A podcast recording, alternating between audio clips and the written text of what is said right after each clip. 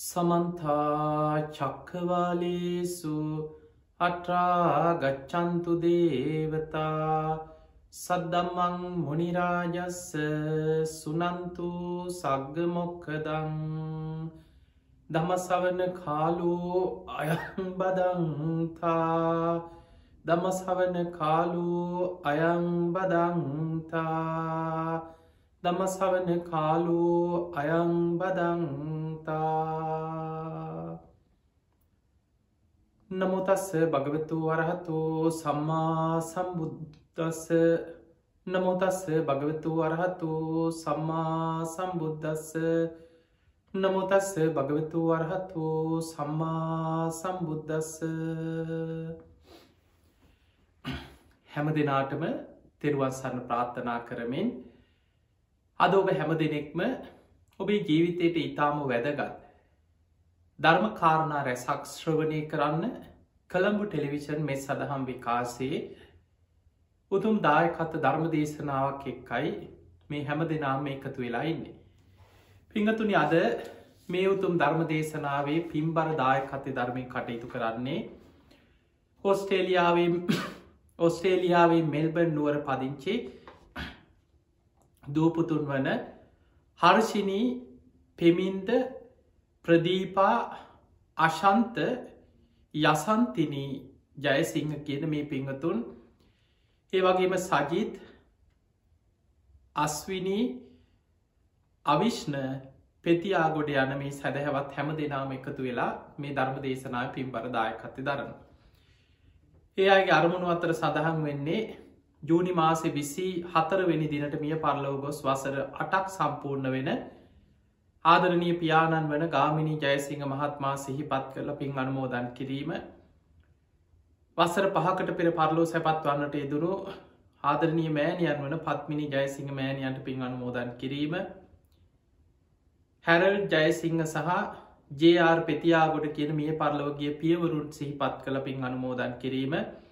සංසාරගත මිය පරලවගේ සියලූම ඥාතීට පින් අනුමෝදන් කිරීමත් පවුලි සුජීවත්වන්න හැම දෙනාට මාශීර්වාද කිරීම ධර්මදේශ කැනන් වහන්සේට සෙත් ප්‍රාථනා කිරීම ආදී පින්වත් අරමුණු රැසක් ඇතුවයි ඔස්ට්‍රේලියාවි මෙල්බර්නුවර පදිංචි මේ දූ දරුවන් ඥාතීන් එකතු වෙලා අද මේ ධර්ම දාන මේ පින්කම සිදු කරා.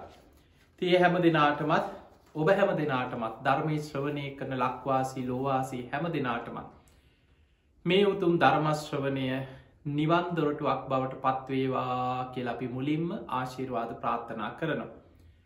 පිංහතුනී අද මේ ධර්මාණු ශාසනාවෙන් අපි කතා කරන්නේ සාමාන්‍ය බෞද්ධයන් බොහෝ දෙනෙකුට තියෙන ප්‍රශ්න ගොඩක්. මිය පරලෝගේ ඥාතීන්ට පින් දෙන ආකාරය ගැන. එතකොට අපි මේ බොහෝ පින්කං කරනකොට තැ උපහිතන් අපි අපේ මිය පරලවගේ ඥාතිය වෙනුවෙන්. හද්දවසි පින්කම කරනවා. තුම්මාසි පින්කම හොඳට සූදානන් වෙලා කරනවා. හද්දවස කියන්නේ සමහරලාවට මළගෙදර කටයුතු අවසන් වෙලා දවසයි දෙකයි. ඒ නිසා හද්දවසි පින්කම කලබලෙන් වගේ සංවිධානය වෙන දෙයක්. ඊළඟට තුම්මාස පින්කම ඊළඟට අවුරුද්දෙන් දෙකෙන් තුළින් හොම පින්කං කර. ඒ අතරත් නිතර මිය පල්ලවගේ ඥාතීන් සිහිපත් කර අපි පින් දෙනවා. හැබැයි බොහෝ වෙලාවට අපිට හිතෙනවා අපි දෙන පින් ඒ අය දන්නවද. ඒ මිය පල්ලවගේ ඥාතීන්ට ඇත්තටම මේ පින් ලැබෙනවද. ඔවුන්ට කොහොමද පින් ලැබෙන්නේ. සමහරයි හිතනවා පැන් වැඩුවේ නැත්නම් පින් ලැබෙන් නැතුව ඇති. මේක පැන් වඩලා තමයි පින් දෙන්න ඕන. ඊළඟට නම කියලා අඩ ගහලා වෙනම එහෙම පින් දුන්න නැත්නම් ඒ හරියන්න අන්න ඒ වගේ එක එක අදහස් ගොඩාක් තියෙනවා.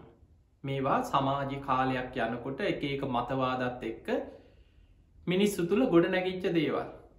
එතකොට මේ බෞද්ධ සම්පදායත් එක්ක එන්න සමහර දේවල් වලට අපේ රටේ ඉතිහාසේ මිනිස්සුන්ගේ යම් විශ්වාස සමහර වෙලාවට හින්දු ආගමික යම් යම් විශ්වාස සමහර මිත්‍යා දෘෂ්ටික ආකල්ප මිනිස්සුන්ගේ පැරණි අදහසා මේ ගොඩාක් එකතු වෙලා එකතු වෙලා ආපු දෙයක් සමහර වෙලාවට පිංහතුනි ධර්මය සඳහන් දේ වුනත් කාලයක් යනකොට පරම්පරාවෙන් පරම්පරාවට මේක වෙනස් වෙනවා.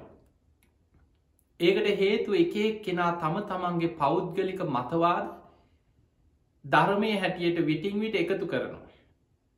සමහරු දන්නෙත් නෑ හා හොඳනෑ ඒක එහෙම කරන්න හොඳ නෑ කිය. දැන් ඉති මේ මිනිස්සු ඔක්කෝම ඇයි හොඳ නැත්ත මොකක්ද හේතුව කොයි පොතේද තියෙන්නේ මොන ධර්මයද තියෙන්නේ කවු දෙහෙම කිව්වේ? බුදුරජාණන් වහන්සගේ ධර්මය තියෙනවද. එක්කො සමහර වෙලාවට සමහර මතවාද තියෙන එක්ක ස්වාමීන් වහසල උන්වහන්සේල මේ ධර්මය කියලා පොතක් පතක් කියවල කියපු දෙයක් නෙමේ. සමහරලාට උන්වහන්සේලා එක්ක මන්තරගුරුකම් මොනවාහරි බෙහෙත් හේතුව කර කර ඉන්න කෙනෙක් වෙන්න පුළුවන්. උන්වහන්සේලාගේ හිතේ ඇතිවෙච් ආකල්පයක් වෙන්න පුළුවන්. හාහා හොඳනෑ කිය නොව ඔයි දවස්සලට කරන්න. මිනිස්සුත් හිතනවා දැම් මේවා පරම්පරාවෙන් පරම්පරාවට ගිහිල්ලා අන්තිමට ඒවා විශ්වාස මේවා මිනිස්සු තුළ පැළපදියන් වෙලා තියෙන. තියනි සාද මේ ධර්ම දේශනාවදේ වැනි බොහෝ විශ්වාස මතවාද මිත්‍යා දෘෂ්ටිකා කල්ප වැරදි අදහස් ගොඩා අපිට නිරාකරණය කරගෙන මිය පරලෝගේ ඥාතිීන් පිළිබඳව ධර්මානුකූලෝ යම් පැහැදිලි වැටහීමක් ඇති කරගන්න පුළුවන්කම ලැබේ. මේ ධර්මය වෙනස්වවී යන ආකාරයක් මංගොබට පෙන්ලා දෙන්න ධර්මය සඳහන් වෙනවා ආනි සූත්‍රය කියලා.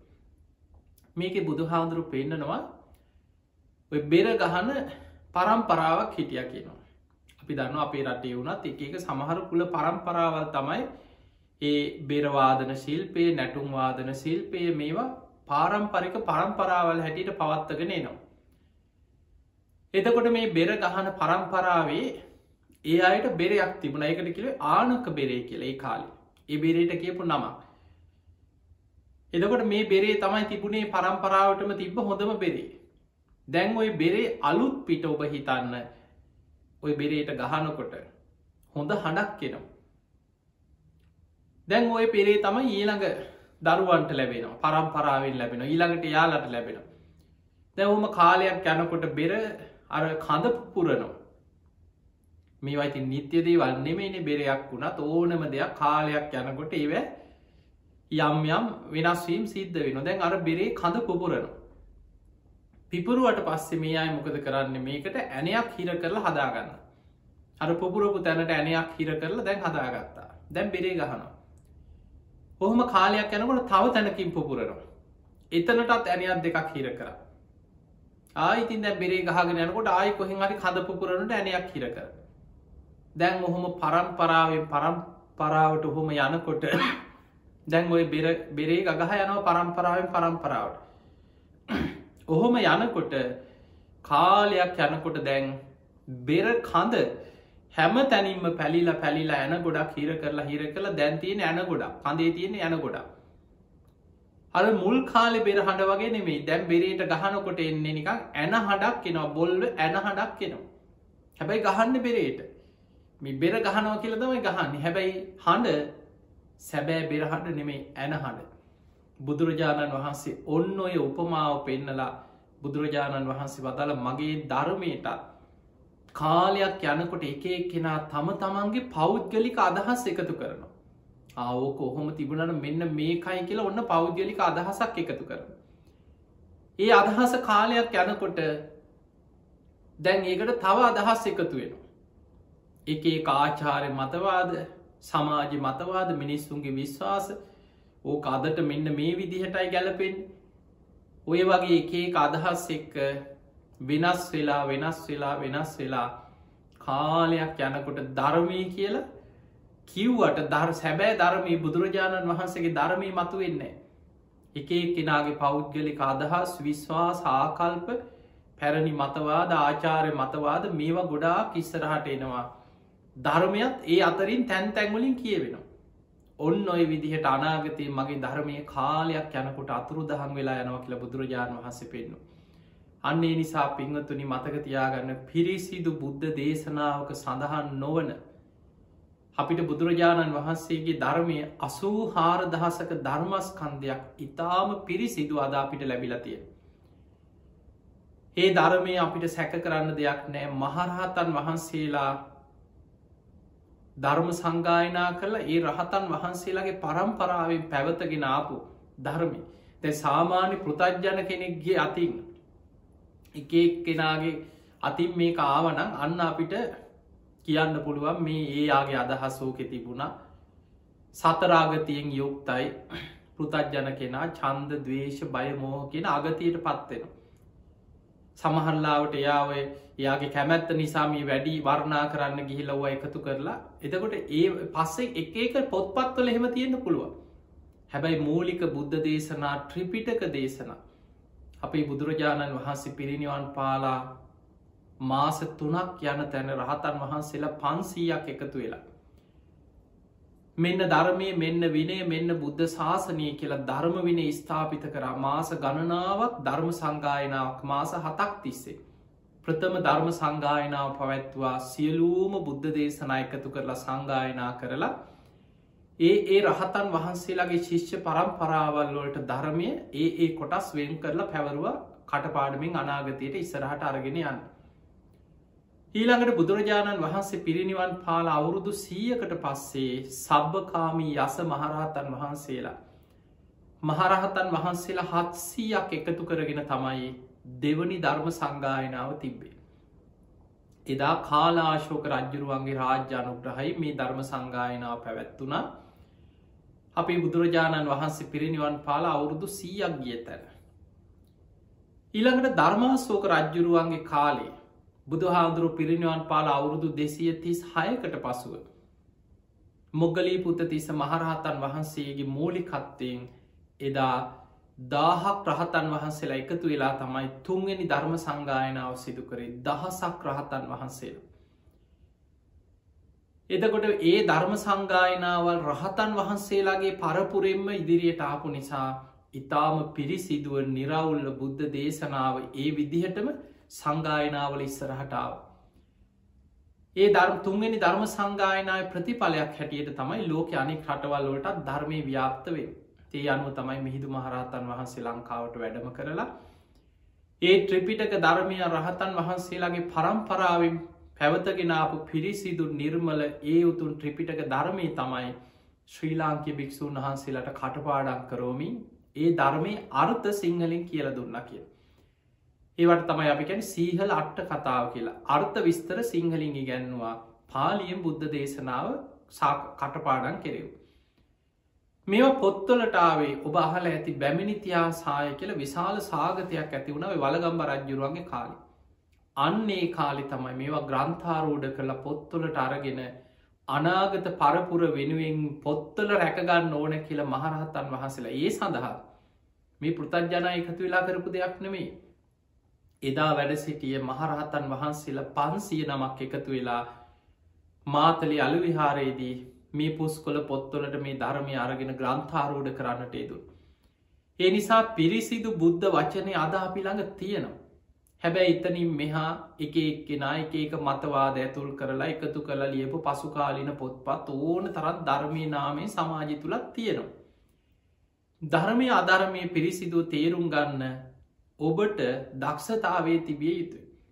ඒ සඳහන් නිවරදි බුද්ධ දේශනා ඔස්සේම අධ්‍යයනය කරා එක ඒක පෞද්ගලික මතවාද මේ අප්‍රසිද්ධ නිසා මේ අසවල් හාමුදුරුව නිසා උන්වහන්සේ කිවොත් ඉතින් උන්වහන්සේ හරි ප්‍රසිද්ධ එහෙම පිළිගන්න එපා.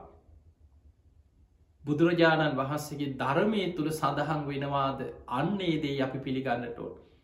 පිංහතුන අපේ බුදුරජාණන් වහන්සේ පිරිනිවන් පාන්න පෙර සතර මහාපදේශ දේශනා කරා. මහනෙන අනාගතයේ යම් භික්ෂුවක් කියයි මෙන්න ධර්මය මෙන්න විනය. පිළිගන්නත් එපා ප්‍රතික්ෂේප කරන්නත් එපා. බුද්ධ දේශනාවට නිවරදි ධර්ම විනයත් එක්ක ගලපා බහා බලන්න. ධර්ම විනයට ගැලපෙනවා නම් පිළිගන්න නැත්නම් ප්‍රතික්ෂේප කරන්න. අනාගතයම් කෙනෙක් කියයි මං බුදු හාමුදුරන්ගෙන් අහගත්තා මෙන්න නිවරදි ධර්මය උන්වහන්සේ තමයි මට මේ විදියට කිවේ කියල බුදු හාමුදුරන්ගේ මහගත්ත කියලා කියයි. ඒත් පිළිගන්න එපා ප්‍රතික්ෂේප කරන්නත් එපා. ධර්ම විනයට බහා බලන්න ධර්ම විනයත් එක ගලපල බලන්න. නිවරදි බුද්ධ වචනයත් එක ගැලපෙනවනම් පිළිගන්න නැත්නම් ප්‍රතික්ෂේප කරන්න මේ උන්වහන්සගේ බොරුවක් උන්වහන්සේගේ පෞද්ගලික අදහසක් කියල එක අතාරය. ඊළඟට බුදුරජාණන් වහන්සේ පිරිනිවන් පාන පෙර දේශනා කරා මහනෙනී යම් පිරිසක් කණ්ඩායමක් එකතු වෙලා කියයි. ලොකුවට සංවිධානය වෙලා පිරිසක් හදාගෙන කණ්ඩායමක් හැටියට කියනවා මෙන්න ධර්මය මෙන්න නිවරදි වච්චන බුද්ධ වච්චනය පිළිගන්නත් එපා ප්‍රතික්ෂේප කරන්නත් එපා. නිවරදි ධර්ම විනයත් එක්ක බහා බලන්න බුද්ධ වචනයත් එක ගලපල බලන්න. ඒ බුදුරජාණන් වහන්සේගේ පිරිසිදු ධර්මයට ගැලපෙනව නම් පිළිගන්න නැත්නම් ප්‍රතික්ෂේප කරන්න. ඊළඟට අනාගතය කණ්ඩායමක් කියයි මං බුදු හාමුදුරුවන්ගෙන් තමයි අපි මේ අහගත්තේ උන්වහන්සේ තමයි මෙන්න මේ විදියට දේශනා කරේ. පිරිසක් එකතු වෙලා පිරිස් බලය පෙන්නමින් අපිට මෙච්චර පිරිසක් ඉන්නවා. අපි මේ හැමෝම මේ මතේ දරන්න කියලා කීව කියලා එහෙම පිළිගන්නත් එපා. ප්‍රතික්ෂේප කරන්නත් එපා. ධර්ම විනයත් එක්කම ගලපල බල අන්නේ නිසා පිංහතුනි එක එක මතවාද එක එක මිත්‍යා දෘෂ්ටික දේවල් මිනිස්සු කිව් පමණින් පිළිගන්න ඔබ පුරුදු වෙන්න එපා. මොකද අපිට පේනවා බොහෝ දේවල් සමාජය අද බෞද්ධ සුරූපයෙන් අපේ බෞද්ධ සංස්කෘතියත් එක්ක බැඳිච්ච බොහෝ මිත්‍යා විශ්වාස මිනිස්සු එහෙම් පිටිම්ම පිළි අරගෙන ඒවා විශ්වාස කරගෙන කාලයක් යනකොට සමහරුවේ වනිකම් බුදු හාමුදුරුව කියලා ධර්මීම තියෙන දේවල් වගේ ඒව මිනිස්සු අත්තරට ගිහිල් අතියන හැබැයි එහෙම දෙයක් ධර්මී නෑ අන්නේ නිසා පිරිසිදුව මේ කරුණු තේරුම් ගන්න ඕන අපි බල මිය පරලවගේ ඥාතීන් ගැන් බුදුරජාණන් වහන්සේ ලස්සන ගාථාවක් පෙන්න්න මේ විදියට සුපිනේන යථාපි සංගතන් පටිබුද්ධෝ පුරිසෝන පස්සතිය ඒවම් පියායිතන් ජනං පේතං කාල කතන්න පස්සති. මේක තේරුම තමයි සුපිනේන යථාපි සංගතන් හරියට සිහිනයකින් එකතු වෙලා හිටිය වගේ. පටිබුද්ධෝ පුරිසෝන පස්සති. අපි නැකිට්ටට පස්සේ අවදි වුණාට පස්සේ ආයි එක හීනයක් වගේ. ඒ අය ආය අපිට හම්බෙන්න ඒ වගේ තමයි මිය පරලෝගී අය ගැන මේ කියන්න. අපිට තියෙන්නේ සිහිනකින්. දැන් අපිට හීන දකිනවන ඔබ. ඔබ හීනෙන් දකිනවා. ගමම් බිමං යනවා යාලුව එකට හම්බෙනවා කෑම කනවා විනෝද වෙනවා විහිළු තාලු කරනවා යම් යම් ප්‍රශ්න ඇති වෙනවා. දැම් මේ ඇත්ත කියලා හිතෙනවා හීනෙ තුළදී ඒක ඇත්ත දෙයක් හැටියට ඔබ මේ හීනෙ තුළ ජීවත්වෙනවා හැබැයි ඔබ අවදි වෙන අවදි වුණට පස්සේ ඔබට මතකයන් ටිකක් තියෙනවා. අද මං මෙහෙම මෙහෙම හීනයක් දැක්ක කියලා යම් යම් තැන් තැන්වලින් මතක ටිකක් තියෙන අන්නේ වගේ තමයි කියනවා අපිත් එක් එකට ජීවත් වෙලා එකට ඉඳලා එකට ජීවිතේ බොහෝ දුරක් ඇවිල්ලා මිය පරලවයන අපේ ඥාතීන් ගැන අපිට තියෙන හරියට සිහිනකින් එකතු වෙලා හිටිය වගේ මතකයන් ටිකක් විතරයි. අපි එක්ක මෙහෙම හිටිය. අපි එක්ක මෙහෙම එකට ජීවත් වනා මෙහෙම කෑව බීව ගමන් ගියා විනෝද වනා පින්කං කරා පන්සල් ගියා එතකොට ඒ ඒ මතකයන් ටිකක් අපි එක්ක තියෙනවා. මැරුණට පස්සේ මැරිච්ච කෙන ආපහු අපි කරායෙන්නේ නෑ. එයා ගැන අපිට මතකයන් ටිකක් විතර ඉතුරුවෙන්. බුදුරජාණන් වහන්සේ පෙන්නම් මහනෙන තමන්ගේ දෙමවපියෝ වේවා තමන්ගේ ඥාතියෙක් සහෝදරය හිතවතේ. තමන්ට උදව්පකාර කරපු යම් කිසි කෙනෙක් මිය පරලෝගයාට පස්සේ ඔහු කරපු යහපත් දේවල් ඔහු තමන්ට කරපු උදව්පකාර අනි ඔහු ජීවත්වෙලා ඉන්නකොට අපිට මෙහෙම උදව්පකාර කර ඔහු මට මේ විදිහයට උපකාර කරා ඒවත් සිහි කරමින් ඒ අයි සිහිපත් කළ පින්දහම් කිරීමේ අපේ යුතුකමක් කියන. දැව වහල ඇති සිංහලෝවාද සූට්‍ර බුදුරජාණන් වහන්සේ පෙන්වා දරුවන්ගේ යුතුකමක් තමයි තමන්ගේ දෙමාපියන් මිය පරලව ගියාට පස්සේ ඒ දෙමාපියන් සිහි කර කර අනි අපේ අම්ම අපේ තාත්ත මෙහෙම ජීවතු අතර ඉන්න කාලේ අපිට මෙහෙම උපකාර කරා කියලා ඒවත් සිහි කර කර ඒ අය වෙනුවෙන් පින්කං කරන්න කිය. එහෙම පින්කං කරලා ඒ අයට පින් දෙන්න කියන. එතකොට ඊළඟට අපි බම් මේ හත් දවස සමහරු හිතන මේ දවසක් මග ඇරුණොත් අම්බෝ එක හරියන්න එදාට මේක කොහොමරි කරන්න ඕන කියලා හිතන. එතකොට ඔය අතරව ගංවලත් ඉන්නවා යම් යම් සමහර වයසක සීයලා ආච්චිලා මිනික හරියටම දන්නවගේ හා ඕක එදාට කරේ නැත්නම් ඉතින් ලොකු ප්‍රශ්න ඇතිවෙන්න පුළුවන් කියලා අනියරගේ වල්ල මිනිසු බය කරනවා. පිංහතුනි බුද්ධ දේශනාය බුදුරජාණන් වහන්සේ කොතනවත් මහනෙන මියගිය කෙනා ගැන හරියටම හද්දවසෙන් පින්කමක් කළ යුතුයි. එහෙම කොහෙවත් සඳහනක් නෑ. හැබැයි අපි එහෙම නියමිත දිනයක් හරි යොදාගෙන තියෙන එක යම් හොඳක් තියෙනවා. එක යම් වටිනාකමක් තිනේ වටිනාකම තමයි ඒ දිනයට අපි ඒක කොහොමහරි කරන්න පෙළබෙන. නැත්නම් සමහරය හද්දවසේ අ බයට හරි දානයක් දෙන එකෙත් එක වටිනාකමක් තියෙනවා. එක්ක ජීවත් වෙලා ඉන්නකන් සැලකිල්ලකුත් නෑ අඩුම ගාන මැරුණට පස්සේ හද්දවසි දානවත් නැතිවෙනවා එහෙම දෙයක්කත් මිනිස්සු තුළ විශ්වාසයක් නැති වුණාන ඒ පැත්තෙන් ගත්තොත් යම් කිසි හොඳකුත් තියෙනවා සමහර වෙලාවට මේවා එන්න ඇත්තේ ඔය ධර්මී සඳහන් වෙන යම් සිදුවීම් තියෙනවා. එක ධර්මී සඳහන් වෙනවා දැන් ඔබ අහල ඇති අර තිස්ස කියල ස්වාමීන් වහන්සේ නම. උන්වහන්සේ සිවුර ගැන ඇතිවේ චාසාව නිසා මරණ මංචක උන්වහන්සේට මතක් වුණා තමන්ගේ සිවුර එක හරි සංවේදී පුතුම සිදුවීම. උන්හන්සේ බොහම සිල්වත් කෙන උන්හසගේ සීල ප්‍රශ්නයක් තිබ බවක් ධර්මය සඳහන් වෙන්න මේ ආසාාව තන්හාාව කියන එක කොච්චර බලවද්ද කියල බල උන්වහන්සේ පැවිදිවෙච් චාලුත මාර්ග පල්ලබල ධර්මී දියුණු කරගත්ත ඉහලට ධර්මී වඩපු කෙනෙක් නෙමේ තින් උන්වහන්සේ බොහොම සද්ධාවෙන් පැවිදි වුණ. පැවිදි වෙලා මාස කීපයකින් වස් කාලය උදාවන දැන් මුල්ම වස් කාලි. ඔන්න ස්වාමීන් වහන්සේලා වස්වසනවා. ඒ ඒ තැන්වල උන්වහන්සේගේ යාලු මිත්‍රයෝ ඥාතීන් එකතු වෙලා ආරාධනයක් කරා. නීතින් ඔබහන්සේකි මුල්ම වස් කාලේ අපි ඔබහන්සේට ඇප උපස්ථාන කරන්න අපේ ගමේ මේ අසවල් අපි කුටියක් හදල දෙන්න ඔබහන්සේ එතන වස් වසන්න. දැම් මේ ආරාධනාව පිළිගත්තා. යාලුවෝ ගමේ මිනිස්සු නෑ දෑයෝ. ඉතින් උන්වහන්සේට වස් කාලෙ පුළුවන් විදිහට ඇප උපස්ථාන කර. ඉස්සර පිංහතුනි අද වගේ නෙමේ අදනං සිවුරු අට පිරිකර ඕන තරන් තියෙනවා. බුදුරජාණන් වහන්සේගේ කාලිමේ රෙදි බොහොම දනවත් අය සිටු පවුල්වල අය බොහෝම දනවත් අය තමයි වටිනා කසී සලු වගේ සලු පිළි පරිහරණය කරේ. සාමාන්‍ය මිනිස්සුන්ට එහෙම හොඳ සිවුරු පිරි කරනෑ එතකොට රජවරු වගේ තමයි පූජා කරදදි වටිනා සිවුරු පිරිකර පූජ කරේ. සිටු පවුල්ල දනවත් පවුල්ලයි සාමාන්‍ය මිනිස්සු ඉතින් ඔහේ සමහරලාවට මොනවා හරි තියෙන එකම රෙදි කඩ මේක තමයි හෝද හෝදාදන්නේ බොහොම අමාරුවෙන් තමයි විලි වසාගන්න රිදි කෑල්ලක් හොයාගන්න.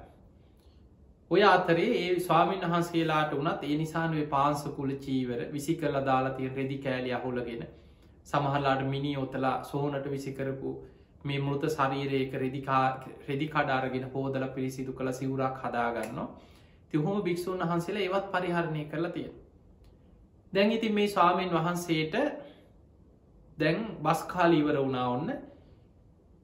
වස්කාල ඉවරුණාට පස්සේ අර නෑ දැව ඥාතිීන් ඔක්කෝම වස්හාරාධනා කරපු හැමෝම සහභාගි වෙලා වටිනා රෙදි කඩක් මේ අය ගත්තා. ඔහෙන් හරි ඔයා ගත්තා. ඔයාගේ නැවිල උන්වහන්සේට පූජ කරා ස්වාමීනී මෙන්න ඔබහන්සේට හොඳ සිවරක් කරගන්න හොඳ රෙදි කෑලා මේ රෙදි කඩ අපි සාමාන්‍ය ධර්මය කියනවා කටින දුස්සේ කියලා. ඒක තමන්ට කැමතිනම් ඒ රෙදි කඩේ ප්‍රමාණයට එක් අදන සිවරක් එක්ක තනිපොට සිවරක් දෙපොට සිවරක් තමන්ට කැමති විදිහට ලැබෙන රෙදි කඩට අනු සකස් කරගන්න පුළුව. එදකොට උන්වහන්සේ රෙදි මේ සිවරකට සුදුසු හොඳ රෙදි කඩක් වටිනා රෙදි කඩක් පූජා කර දැන් උන්වහන්සේ අදින සිවරත් එක්ක උන්වහන්සේට බොහෝ වටිනා දෙයක් මේ තින් උන්හන්සේ වස් පවාරණය කරලා වඩිනකොට නැගනියක තමන්ගේම නංගිය ගෙදරට ගිය. ගිහිලා නැගනියට දුන්න නැගනිය ඔබට පුළුවන්නම් මෙන්න මේ රෙදිකඩ කපලා මහල මට හොඳ සිවරක් හදලා දෙන මගේ ප්‍රමාණයට.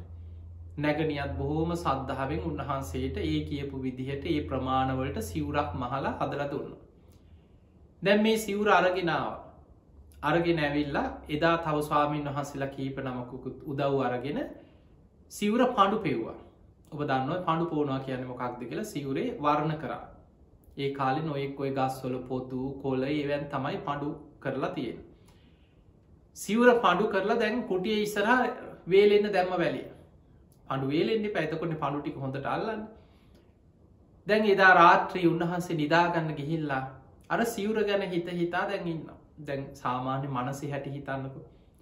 ඔයි ගෙවල් ඔල අලුතෙන් ඇදුමක් ගෙනාවට පස්සේ එක්වාභරණයක් මොනොහර ගෙනාවට පස්සේ ගෙදර ආපු ගමන් එක අඳනවා. කන්නාඩිය ළඟට යනවා. එක එක්ක නාළඟට ගිල හැරි හරි යහන මේක ලස්සනද මේක හොඳද මේකට මං හැඩයිද? සාමාන්‍ය මේක තමයි මේ මනසේ ස්වභාවය. සමහරුන්ට හීනෙනුත් පේනවා. තමන්ගේ ඇඳු ඇඳගෙන යනවා විනෝද ගමන් යනවා බොහොම ලස්සනට පාරය ඇඳගෙන යන හැටි හීනෙනුත් දකි අනි අර ස්වාමීන් වහන්සේත් මේ සිවුර ගැන ඒ වගේම ආසාාවක් ඇතිවුණු උන්වහන්සේ දැන් රාත්‍රී හිතනවා හෙට උදේ වෙනකොට ඔයි සිවුර හොඳට පණඩු ටික වේලිලා අර සිවුරට පණ්ඩුවල්ලතියේ මං හෙට ඔයි සිවුර ඇදගෙන පින්ට පාත වඩිනවා. දැන් ඔය ගැන හිත හිත හිටිය රාත්‍රී පපු අමාරුවක් හැදුණ. පපුුව හිරවෙන්න ගත්ත. මුළු ඇඟම හිරවෙලා මරණා සන්න වෙනකොට උන්වහන්සට මතක් වුණේ අනේ මගේ සිවුර.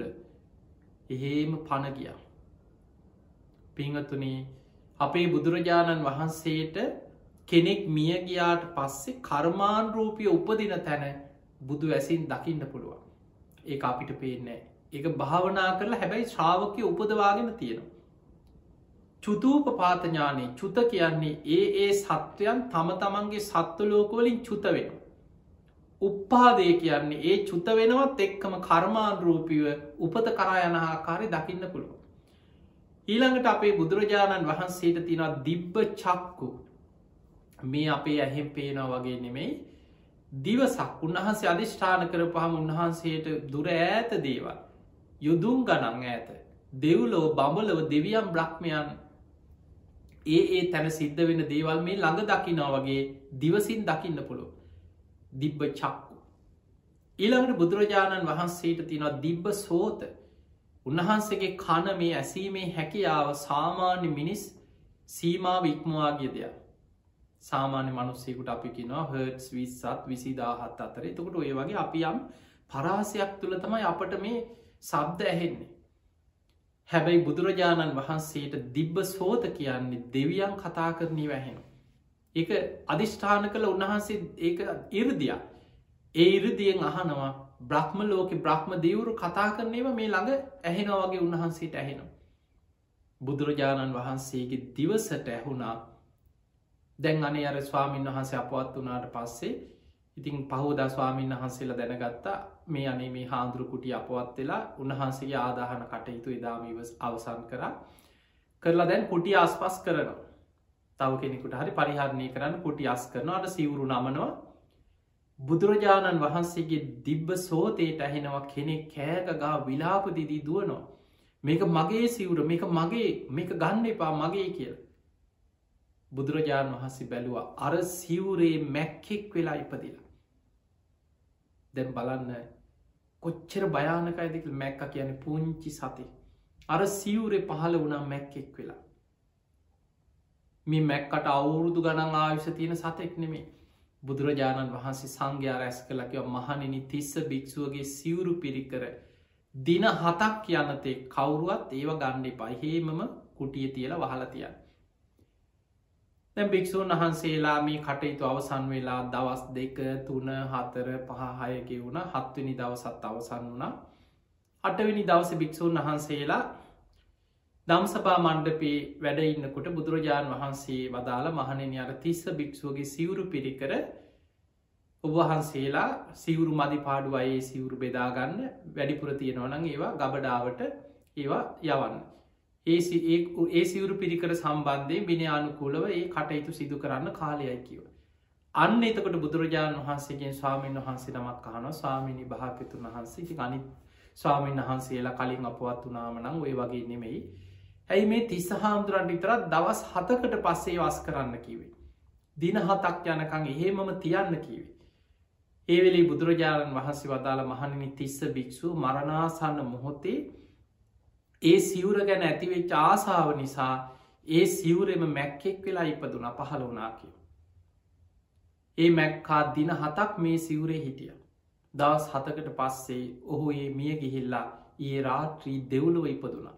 ගැන දෙව්ලොව යන්න තරම් පින්කරපු කෙනෙ සිල්වත් කෙනෙක් හැබැයි අර මරණ මංචකේ ආසන්න අකුසලේ සිවුර ගැන ඇතිවෙච්ච ආසන්න තන්හාාව බලවත් වෙලා කුසල් යටපත් වෙලා කුසලි බලවත් වුණ දින හතකට හරි මැක්ෙක් වෙලාර සිවුර ඉපදුන එතවට ඔය වගේ සමහර සිදුවීන් අපිට ධර්මය කතාවල අහන්න තියෙන ඒ අරන්න බුදුර ඒ අරන්න බුදුරජාණන් වහන්සේ කොතනකවත් මහනෙන දින හතක යනකං දැන් සාමානුවගේ වල් දුරුවල්ල පිදන්නවා සමහරු මැරුණට පස්සේ දවස් හතක් යනකන් දුරුවල් ජනිල්ලටලා තියෙනවා.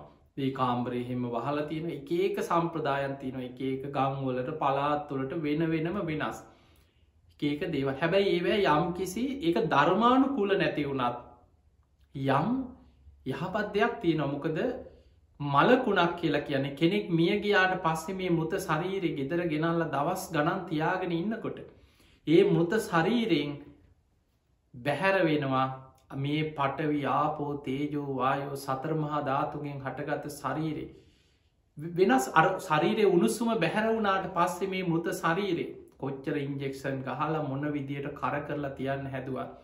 මේ ශරීරයෙන් මේ සතරමහා ධාතුන්ගෙන් පිට වෙලා යනවා ඕජා සැර මේ මල කුණෙන් සැරක් පැතිරෙනවා. ඒක සමල්ලට විසක් හැටියට වෙන්න පුළො. මිනි කුණු වෙනකොට මල ගෙවල්ල සමහර සැර ගඳ ඔබ බලන්න. මොන විදිට සෙන්් ගහ සමහරලාට තිබ බතිතිගේ නිසා දවස් හයහතක් ඔයි දුරවා ජන ලැටල උලන්ටිකක් වදින්න තියෙන එක. එහෙම හොඳක් තියෙනවා. ඒ ඇරෙන්න මේ බුද්ධ දේශනාව තියෙනවන් නෙමේ ඉත් මේවා ධර්මයත් එක්ක ගලප ගන්න යන්න එපා බොහෝ වෙලාවට. ඊළඟට අපි මිය පරලෝගයායට පින් දෙනකොට බුදුරජාණන් වහන්සේගේ ධර්මය සඳහන් වෙනවා සමහර වෙලාවට මියගිය කෙන දැස් කෙනෙක් ඊළඟට හිතන්න පුළ මෙන්න මෙහෙම සමහර හිතනවා මැරිල දවස් හතක් යනකම් ඔය පාවි පාවි හොම ඉන්නවා. දවස් හතකට පස්සේ තමයි උපදින්න කියල එහෙම කොහෙවත් නෑ. බුදුරජාණන් වහන්සේගේ ධර්මය තියෙන්නේ යථාබතන් නික්කිත්තෝ ඒවන් නිරේ. කෙනෙක් අකුසල් කරලා නිරේ යන විදිහට කර්ම කරගත්ත කෙනෙක් නං යථාබතන් නික්කිත්තෝ ඒවන් නිරේ. හිසේ තිබ්බ බරක් අතහැරිය වගේ ඒ සැනින් මැරෙනකොටම නිරයන. නිරි සත්වයෙක් වෙලා පහළ වෙන එක ඕපපාතික පහළවීම. කෙනෙක් පින් කරගෙන තිබ්බොත්. ප්‍රේත ලෝක උපදින එකත් එහෙම තමයි. මේ මැරෙන කොට්ටම චිත්තක් සනයයි වෙනස. ප්‍රේතෙක් හැටියට කර්මාන් රූපය ශරීරි පහළ වෙන. ඕපපාතික උපත. කෙනෙක් පින් කරලා තියෙන හොඳට පින් කරලා දිවිය ලෝක යන විදිහට ගොඩා පින් කරගත්ත කෙනෙක්. යථාබතන් නික්කිත්තෝ ඒවන් සක්ගේ. හිසේ තිබ්බ බරක් අතහැරිය වගේ මෙහෙම මැරෙනකොටම සැනින් දෙවි කෙනෙක් වෙලා දිවිය ලෝක පහළ වෙන තමන්ගේ පිනට අනුව චාතු මහරාජික වෙන්න පුළුවන් තාවතින්සේ වෙන්න පුළුවන් යාමේ තුසිතය නිම්මාන් රති පරණින්මිත වසවර්ති. ඒ ඕනෑම දිවිය තලයකින් එකක සැනින් පහළ වෙන. ඒ මොහොතේ චිත්තක්ෂණයයි වෙනස. ඒ නිසා සමහර වෙලාවට මනුස්ස ලෝකික ආය කර්මාණරූපිය මනුස්ස මවකුසක උපදිනවන. එයාට සුදුසු මවකුසක් තමන්ට ලැබෙනකං. යම් කාලයක් සමහලාට දවස් කීපයක් වෙන්න පුළුවන් මාසයක් වෙන්න පුළුව මාසකීපයක් වෙන්න පුළුව ඔහු යම් කාලෙක මවකුසක් ලැබෙනතෙක් ඔහු යම් සැරි සරමින් ඉන්න පුළුව ඔන්න ඕක තමයි සමහරුව ගන්දබ්බ කියලා ඒ ගන්දබ අවස්ථාවක් හැටියට විස්තර කරලා සමහරු හිතුව මේක මේ හිත විතරක් කයකට හැදෙනකං තියෙන තැනක් කළ එහෙම හිත විතරක් තියෙන තැනක් ගැන ධර්මී නෑ. බුදුරජාණන් වහන්සේ පෙන්නවා මේක තියෙනවා සංයුත්තනිකායි බීජ කියන සූත්‍රය. බීජ සූත්‍ර බුදුහාන්දුරුව විස්තර කරනවා මහනෙනි රූපයෙන් තොරව වේදනාවෙන් තොරව සංඥාවෙන් තොරව සංස්කාරවලින් තොරව. තනිව ගමන් කරන විඤ්ඥානයක් ගැන හරි තනිව පවතින විඤ්ඥානයක් ගැන හරි තනිව වැඩෙන විඤ්ඥානයක් ගැන හරි තනිව විපුල භාවයට පත්වෙන විඤ්ඥානයක් බුදු ඇසින්වත් දකින්නේ. එහෙමනම් විඤ්ඥානයක් යම් තැනක පවතිනවද විඤ්ඥානයක් යම් තැනක ගමන් කරනවද රූප වේදනා සංඥා සංකාර විඤ්ඥාන කියන මේ පංචෝපාදානස් කන්දයක් එක්ක බැඳිල තියෙන්නේ එක. පංචුපාදානස් කන්දයක් එහනම් පංචුපාදානස් කන්දයක් යන එතන සත්වයෙක් ජීවිය.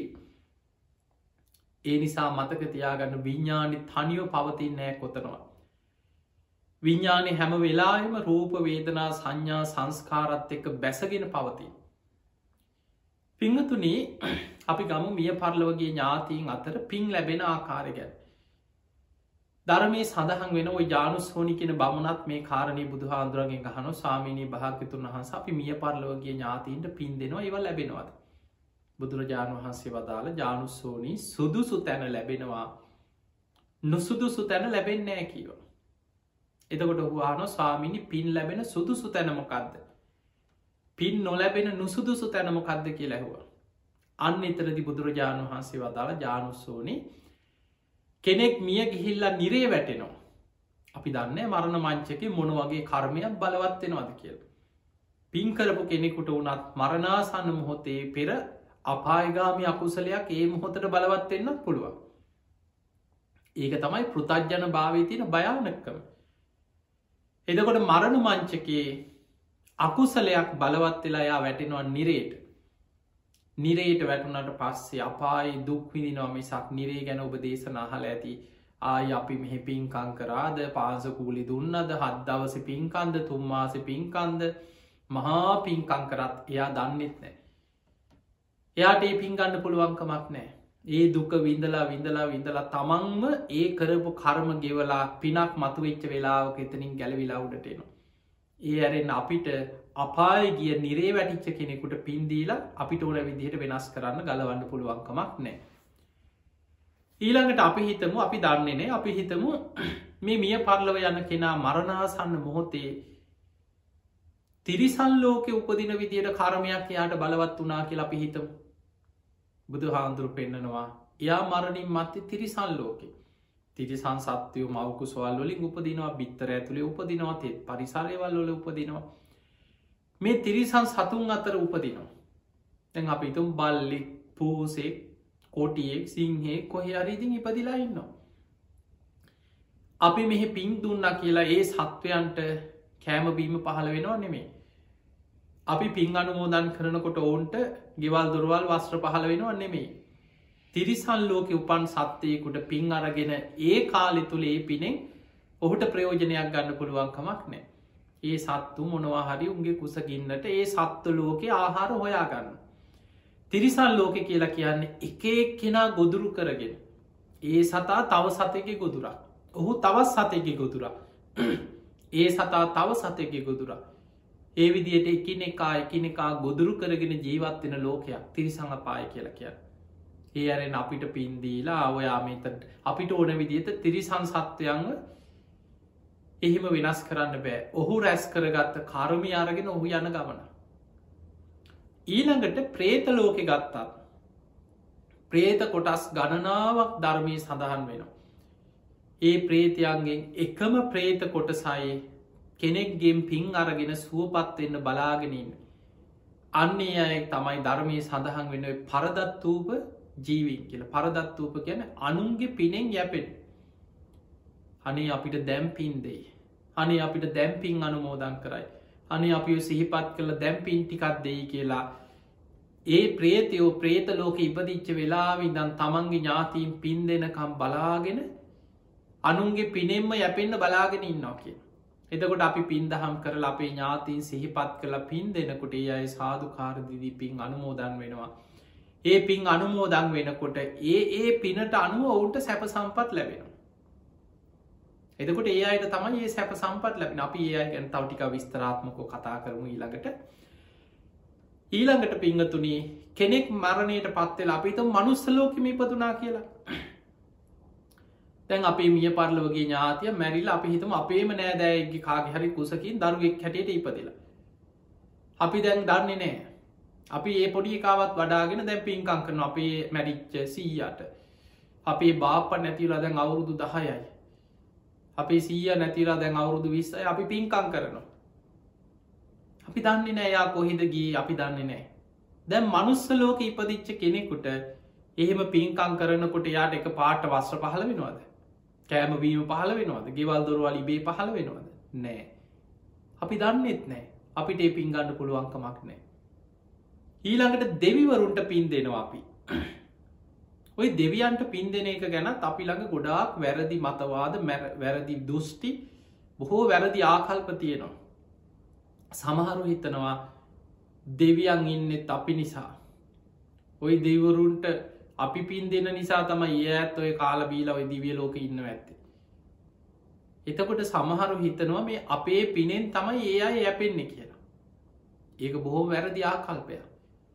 පිංහතුනි දෙවියන් කියන්නේ ගොඩාක් පින් කරලා මරණ මංචකේ පින බලවත් වෙලා සුගති ඉපදිච්චයි. එය අපිට වඩා පින් ඇති තැනක ඉපදිලායින්න. ඒ අයට හිතන විදිහට ඒ අයගේ පිනට අනුව ආහාරපාන වස්ත්‍ර විමාන සැප සම්පත් ඒව පහළ වෙන. අපි වගේ වෙහි සමාන්සීලා හම්බ කරගෙන දුක්විඳගෙන උයා පිහාගෙන එහෙම කනවනෙමේ. ඒ අයි හිතනකොට ඒ ප්‍රනීත භෝජන දෙවියන්ට පහළ වෙන. හිතන හිතන සැප සම්පත් ඔවුන්ට පහළ වෙන. ඒ අර පිනේ විපාක ඔවුන් ගෙවන ආකාරය. හැබැයි බුදුරජාණන් වහන්සේ වදාලා අපි පින්දහම් කරලා දෙවියන්ව සිහිපත් කළ අපි දෙවියන්ට පින් දෙනවා. අන්න එතකොට දෙවරු පින්දහම් කරනයි දිහා බලල සතුටු වෙලා සාධකාරදිදී ඒ අයට ආශිර්වාද කරනවා. අනේ මනුලොවයින් අසවල් අසවල් අය දන් දෙනවා පින්කං කරනවා සිල්රකිනවා ගුණධර්ම පුරනවා ඒ අය අපිවත් සිහිපත් කළ මේ දෙව්ලොව ඉන්න දෙවියන්ට අපටත් පින් දෙනවා. ඒ අයට යහපතක්ම වේවා කියල දෙවියම් පෙරලා පින්දහම් කරන කෙනාට ආශිර්වාද කරනවා. ඒ අය ආරක්ෂා කරන එක දේශනාග බුදුහාන්දුරුව පෙන්න්නනවා එකම දරුවෙක්කින් අම්ම කෙනෙක් දිවි දෙවනිකොට තමන්ගේ දරුවාව ආරක්ෂා කරන්න යම් සේද කෙනෙක් සිල්වත්තු ගුණුවත්ව ධාර්මිෂ්ටව ජීවත්තමින් පින්දහම් කරලා දෙවියන්ටත් පින් දෙනකොට ඒ දෙවුරු ඒ කෙනාව ආරක්ෂා කරනවාකි. ඒනම් මතක තියාගන්න අපි දෙවියන්ට පින් දෙන එකේ ප්‍රතිඵලය තියෙන්නේ අපිටමයි. ඒ දෙවිවරු අපේ පිනෙන් යැපෙනොනේ පින් කරනකොට සත්තු වෙලා අපිට ආශිර්වාද කරන අපි මාරක්ෂා කරන. ඒ අයි සතුට වෙන දැම් බලන්න මනුස්සලෝක අපි සතුට වෙන්න ඇද කියලා. කෙනෙක් අප හිතම් පිනට කැමති කෙනා කෙනෙක් පින් කරනකොට සතුටන කවරු හරි කියන අනේ අපි රුවන්වලි සෑයට ගිහිල්ල අපි ලස්සන පින්කමක් කරා. අපි මෙම කපරු පූජාවක් කර අපි හොඳට මල් ගෙනහිල ලස්සන මල් පූජාවක් කරා. අපි බණකුත් කියව්වා. දැන් පිනට කැමති කෙනා එයා කියන ඔයත් මේ පින් අනුමෝදං වෙන්න. යා හදවතීම සතුටු වෙලා අනේ සාදු සාදු කොච්චර දෙයක්ද. මමත් ඒ පින් අනුමෝදන් වෙන ඔයාලට තව තවත් මේ වගේ පින්දහම් කරගන්න ලැබේවා කියලා අන්න ආශීර්වාදයක් කරන. තමනුත් ඒ පින් අනුමෝදං වෙලා සතුටින් හදවති ආශිර්වාද කරන ඔයාලට තව තවත් මේ වගේ පින්දහම් කුසල් දහම් කරගන්න සිත් පහළ වේවා හැකියාව ධනය බලය හැම දෙයක්ම ලැබේවා කිය. දෙවුරුත් ඒ වගේ පින් කරන අය දිහා බල සතුටු වෙනවා සාධකාරදීලා ඒ අයට ආශිර්වාද කර. ඒමනත් දැන් අපිට පේනවා අපේ පින් අරගෙන සුවපත්වෙනවනං මිය පරලවගේ ඥාතීන් අතර ප්‍රේත කොට්ටාසවල අය තමයි. ඒත් හැම ප්‍රේතයෙක්මත් නෙමේ. පරදත්වූප කියන ප්‍රේත කොට්ටාස. හැබැයි දැන් ඔබ හිතන්න එපා එහෙම නං ඉතින් අපි මේ පින්දීලා ඒක ලැබෙයිද නැද්ද ති අපි මේ පින්කං කරාට හරියටම දන්න ඇත්නම් අපරාධන අන්න එහෙම හිතන්න එපා. එකට හේතුව බුදුරජාණන් වහන්සේ ජානුස්සෝනි බ්‍රාහ්මණයට දේශනා කරන ජානුස්සෝනි අපේ මිය පරලෝගේ ඥාති අපි පින් දෙන කෙන අපි හිතුම අපි දන්න යා මනුස්සලෝක ඉපදිලා වෙන්නත් පුළුව එක්කො දිවිය ලෝක ඉපදිලා වෙන්නත් පුළුවන් පින්ගන්න බැරි වෙන තැනක ඉන්නා වෙන්නත් පුළුවන් හැබැයි අපි දෙන පින අහක යනවන් නෙමෙයි බුදුරජාණන් වහන්සේ දේශනා කරා මේ දීර්ග සංසාර ගමනේ තමන්ගෙන් පින් අපේක්ෂාවෙන් ඉන්න ඥාති මෙපමණයි කියලා සීමා කරන්න බෑකිව.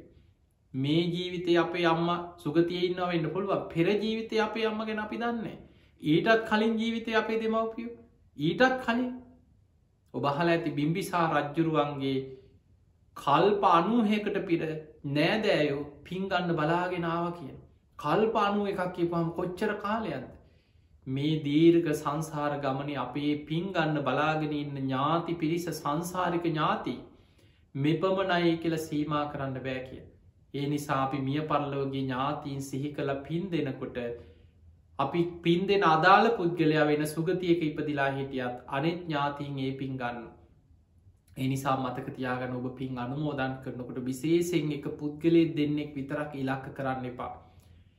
ඒ අයි විශේෂයෙන් සිහිපත් කරත් ඔබ හැම වෙලාම හිතන්න මෙන්න මේ අය ඇතුළුව මිය පරලොවගිය වර්ග පරම්පරාගත සංසාරගත පින් අපේක්ෂාවෙන් ඉන්න යම්තා ඥාතීන් ඇද්ද. ඒ සියලු ඥාතීන් මේ පින් අනුමෝදන් වෙත්වා ඒ සංසාරගත සියලු ඥාතීන්ගේ පරලව ජීවිත සැපවත්තේවා සුවපත්තේවා කියලා එහෙම පින්දේ. එතකොට අපි දන්නේ නැති වුණට අපෙන් පින්ගන්න බලාගෙන ඉන්න සංසාරික ඥාතීන් බොහෝ ප්‍රමාණයක් ඉන්න පුළුවන්. ඒ අයි සුව පත්වෙන. ඊළඟට පිංහතුනි මිය පල්ලවගේ ඥාතීන්ට පින් දෙනකොට ඔබ මේටිකක් දැනගන්න. කවදා අපි මිය පරලවගේ ඥාතීන්ට පින් දෙනෙ අපේ යුතුකම. ඒක කළ යුතු දෙයක්. සිංහලෝවාද සූට්‍ර පවා බුදුරජාණන් වහන්සේ පෙන්වා දරුවන්ගේ යුතුකමක් තමයි දෙමවපිය මිය පරලෝගයාට පස්සේ ඒ දෙමවපියෝ සහෝදරයෙක් වෙන්න පුළුවන් ඥාතියෙක් වෙන්න පුළුව යාළුවෙක් හිතවතෙක් වෙන්න පුළුවන් තමන්ට උදව්පකාර කරපු කෙනෙක් වෙන්න පුළුවන් ඒ කරපු උපකාර සිහි කරල ඔහුට පින්දීම යුතුකම. හැබැයි ජීවත් වෙලායින්න ඔබ මේ මනුස්ස ජීවිතයේ තමයි මරණ මංචකේ දක්වාම උපරිම පින්දහම් කුසල් දහම් වඩාගෙන සුගතිකාමීව පෙර කරපු අකුසල් හරි ඒ ජීවිතය කරපු අකුසල් හරි යටපත් කරගෙන මරණ මංචකෙත් සුගතියක යන්න පුළුවන් ශක්තිය මේ මනුස්ස ජීවිතයට තියෙනවා. ඒ නිසා මනුස්ස ජීවිත ලබපු ඔබ අනේ ඉතිං ඔහොම ඉඳලා මැරිලා යනවා. අපේ ඔය දරුව හරි පිනත් දහමක් කල අපිට පින් දෙන්න ඇතයි කියලා එහෙම නම් හිතන්න එපා. ඉන්නකං ඔය ඉඳලා ඉතින් ඕන දෙයක් වෙච්චදෙන් ඔය සල්ලිත් ඉතින් ඉතුරු කලා කියක් හරි තියෙනවා මැරුණට පස්සේ හරි ඉතින් අපිට පින් දහම් පිනක් කරලා අපිට පින් දෙන්න ඇතයි කියලා එහෙම හිතනවනං ඔබ ඉන්න විශාල අන්දකාරක. ඒ නිසා ජීවත් වෙලා ඉන්න ඔබ පුළුවන් තරම් පින් කරගන්න මැරිල අනුන්ගේ පිණින් යැපෙන්න්න බලාගෙන ජීවත්වෙන්න එපා. හැබැයි මිය ගිය අය වෙනුවෙන් ඔබ පින්දහම් කරන්න ඒක ඔබේ යුතුකම ඒ අයට ලැබුණා හෝ නැතා හෝ ඔබ පින්දහම් කරන්න. ඊළඟට පිංහතුනී මියගිය අය වෙනුවෙන් පින්දහම් නිතර නිතර කරා. අපි ආ හද්දවස පින්කම කරා ඔය මදය කියලා හිතන්න එපා. ඒ නිසා මාස තුනෙන් එදාට බැරි වුණත් පුළුවන් විදියට කරන්න මාසක එක්ක අවුරුදු පතා ඒ අයි සිහිපත් කළ පුළුවන් විදියට පින්දහම් කරන්න ඒකට හේතුව පින්වතුනී මේ පින කියලා කියන්න මේ වගේ.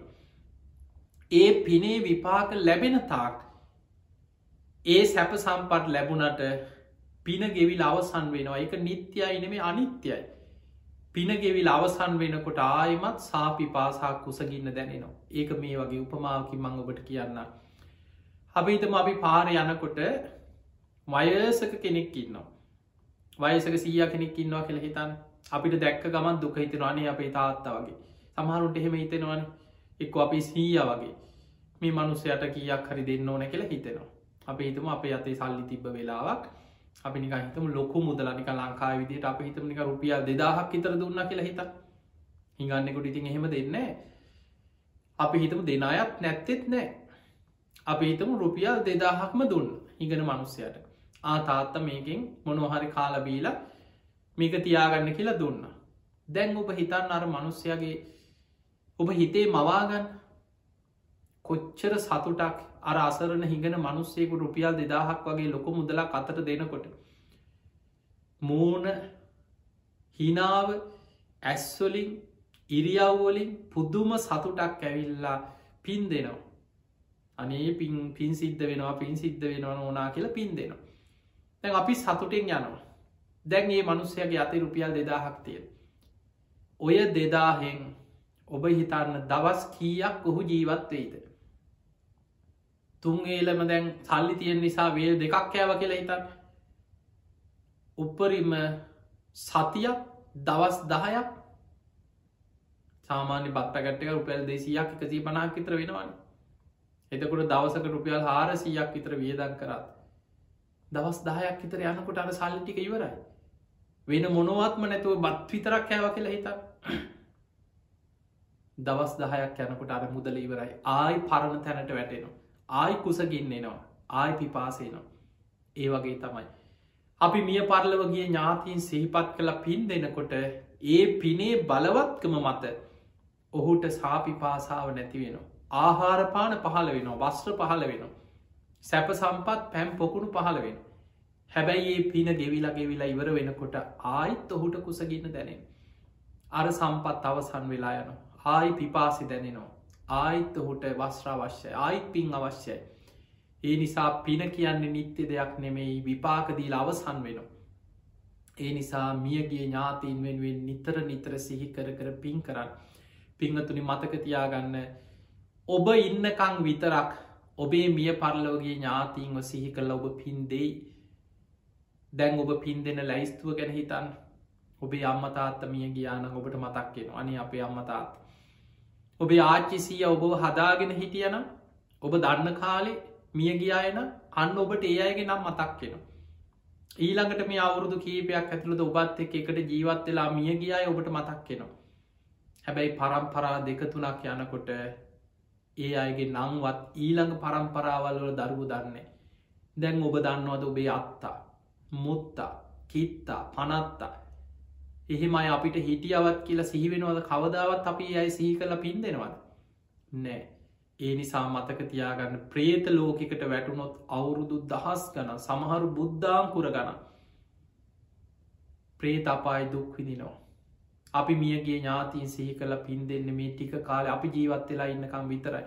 ඒ නිසා පින්වතුන ඔබට පුළුවන් හැම වෙලාම මිය පරලව ගියයි සිහිපත් කරමින් පින් දහම් කරන්න අනුන්ට උදව්පකාර කරන්න ඔබත් පින් කරගන්න ඒ අයටත් සිහිපත් කළ පින්දේ ඊළඟට අද මේ දේශනාවෙන් මතක තියාගන්න ඒ අයට පින් දෙනකොට නංකීපයක් සීකරාට කමක් නෑ නිතර හිතන්න ඒ අය ඇතුළු අපේ සංසාරගත මිය පරල්ලවගේ පින් අපේක්ෂාවෙන් ඉන්න සියල් ඥාතීන් මේ පින් අනුමෝදන් වෙත්වා කියලා හිතලා සියලු මියගේ ඥාතීන්ට පින්දෙන් ඒ අපේ යුතුකමක් කළ යුතු දෙයක්. බුදුරජාණන් වහන්සේ පෙන්වා එක ඥාති ධර්මයක් හැටියට. තින් එහෙමනක් පිංහතුනි අද මේ ධර්ම දේශනාවෙන් තිං ඔබ රැස් කරගත්ත සියලුපි සියලු දෙවියෝ සාධකාරදිදී මේ පින් අනුමෝදන් වෙත්වා. දෙවියන්ගේ පිහිට රැකවරණ ආශිර්වාදය.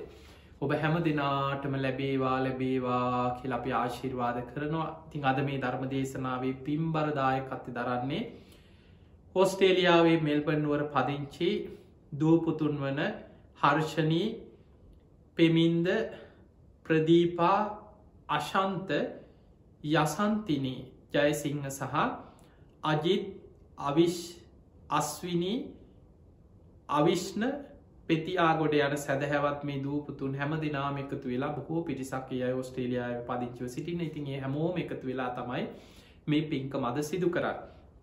ඒ අයගේ උතු මරමුණු අතර සඳහන් වෙන ජූනි මාස විසි හතරවෙනි දිනට මිය පරලව ගොස් වසරාටක් සම්පූර්ණ වෙන ආදරණය පියාණන් වන ගාමිනි ජයසිංහ පියාණන් සිහිපත් කළ පින් අනුමෝදන් කිරීම. වසර පහකට පෙර මිය පරලවයන්නට ඉදුරු ආදරණය මෑනියන් වන පත්මිනි ජයසිංහ මෑනියන් සිහිපත් කළ පින් අනුමෝදන් කිරීම.